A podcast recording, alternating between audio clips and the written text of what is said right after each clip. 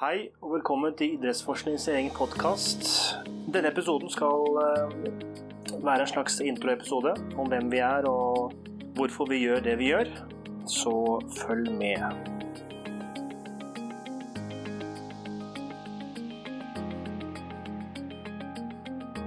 Mitt navn er Tom Erik Solstad. Jeg jobber som høyskolelektor ved Høgskolen på Vestlandet, campus Sogndal. Jeg har en eh, mastergrad innenfor eh, idrett, nærmere idrettsfysiologi, fra, fra Høgskolen i Bø. Eller ja, nå heter det vel eh, Universitetet i Sørøst-Norge. Jeg har tidligere jobbet som idrettslærer på Stord videregående.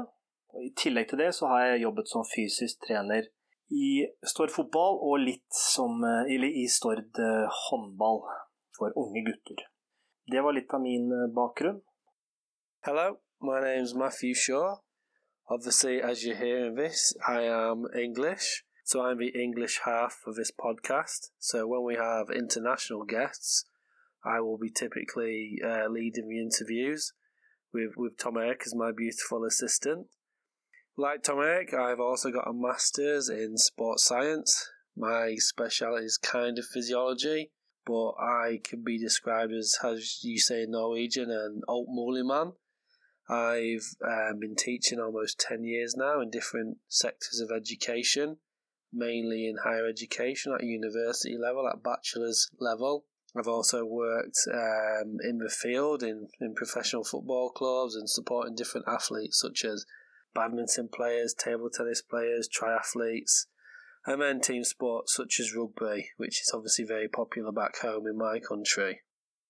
Bakgrunnen for uh, vår podkast, eller bakgrunnen for vår, vår, digitale konto, både på Instagram, Facebook og Twitter, og nå til slutt podkast, har egentlig vært å gjøre forskningen der ute, både nasjonal og internasjonal, litt mer lettfattelig og uh, oversiktlig, og at er lettere å At den er lettere tilgjengelig for folk der ute for f.eks. studenten som eh, studerer idrett, for eh, mannen i gata som er interessert i trening, og for eh, kan være nyoppkommende jenta som skal jobbe med rehabilitering.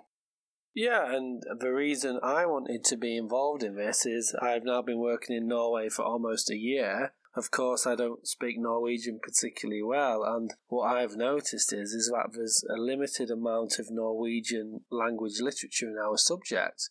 So, for example, I believe there's only one journal really where sports related academics can write in Norwegian. So, I almost feel guilty that I'm just lucky that my native language is the international language of science. So, I think part of this project is about being able to disseminate the international literature native to Norwegian because obviously I don't speak Norwegian fluently, so why should I expect you know, Norwegian students, Norwegian practitioners, and anyone involved in the sport and exercise industry in Norway to just automatically be able to read anything in English. So, hopefully, this podcast enables listeners to be able to pick up information that perhaps is lost in translation sometimes. Because the kind of strange thing is, most Norwegian scholars will be writing in English, so most of the things they disseminate is not in their native language. So if we can use this podcast as a medium to allow sports science and sports related research to be shared in Norwegian, then if I can be involved in that, then I'm very happy to do so. So I don't want to say it's my way of giving back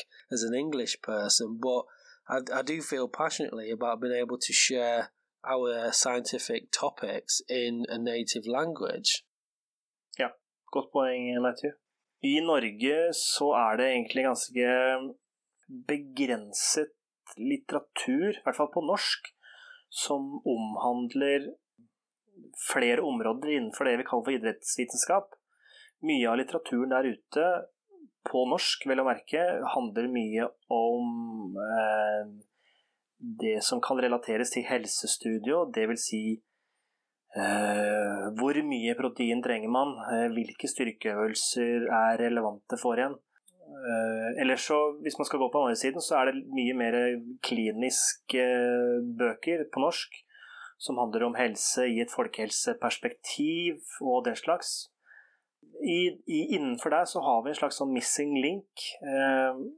der ok, hvordan burde man trene som en fotballspiller? Eh, hvordan burde man parodisere som en langrennsutøver? Og det finnes sikkert, sikkert, litteratur der ute på norsk som vi har oversett, men vi føler at den norske litteraturen mangler en del områder eh, som ikke blir dekt. Eh, hva er dine tanker, Matthew, om den norske, norske litteraturen som eksisterer? So I agree with what you just said there about potentially some gaps and missing things. And in my short time here, what I've noticed is and this is with some of the students I've, I've worked with, but more generally across what I see, for example, in TV.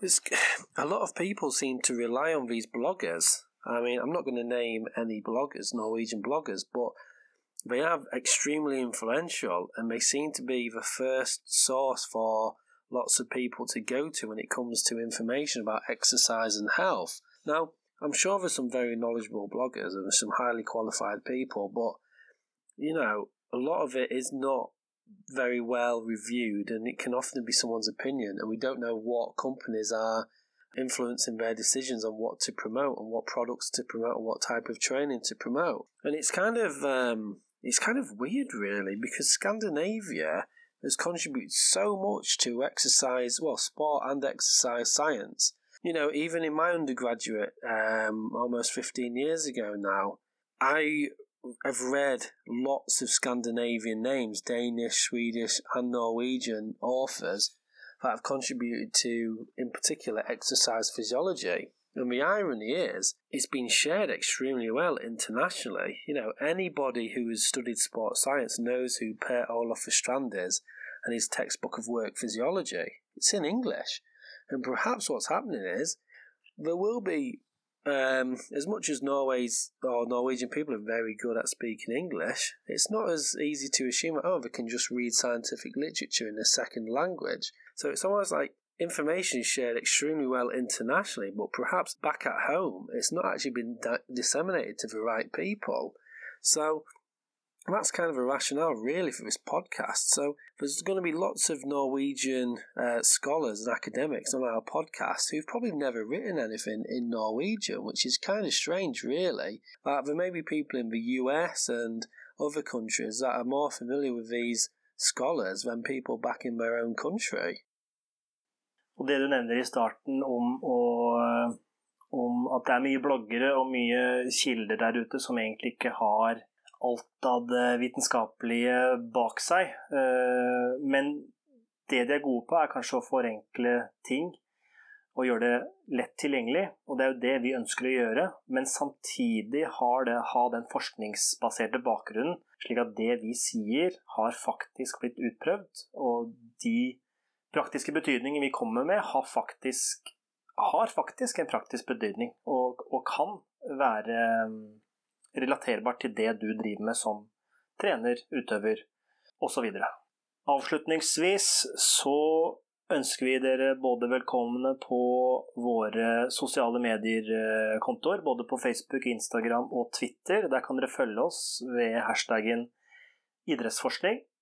Og hvis dere også fremover til å høre deres tilbakemelding på vår podkast og eh, hvilke tema vi tar opp, hvilke gjester vi tar opp, eller tar med. Eh, og at eh, dere kan også komme med forslag til eh, hvilke gjester vi har, og om dere har lyst til å stille noen spørsmål som vi kan ta opp i podkasten. Det er altså mulig.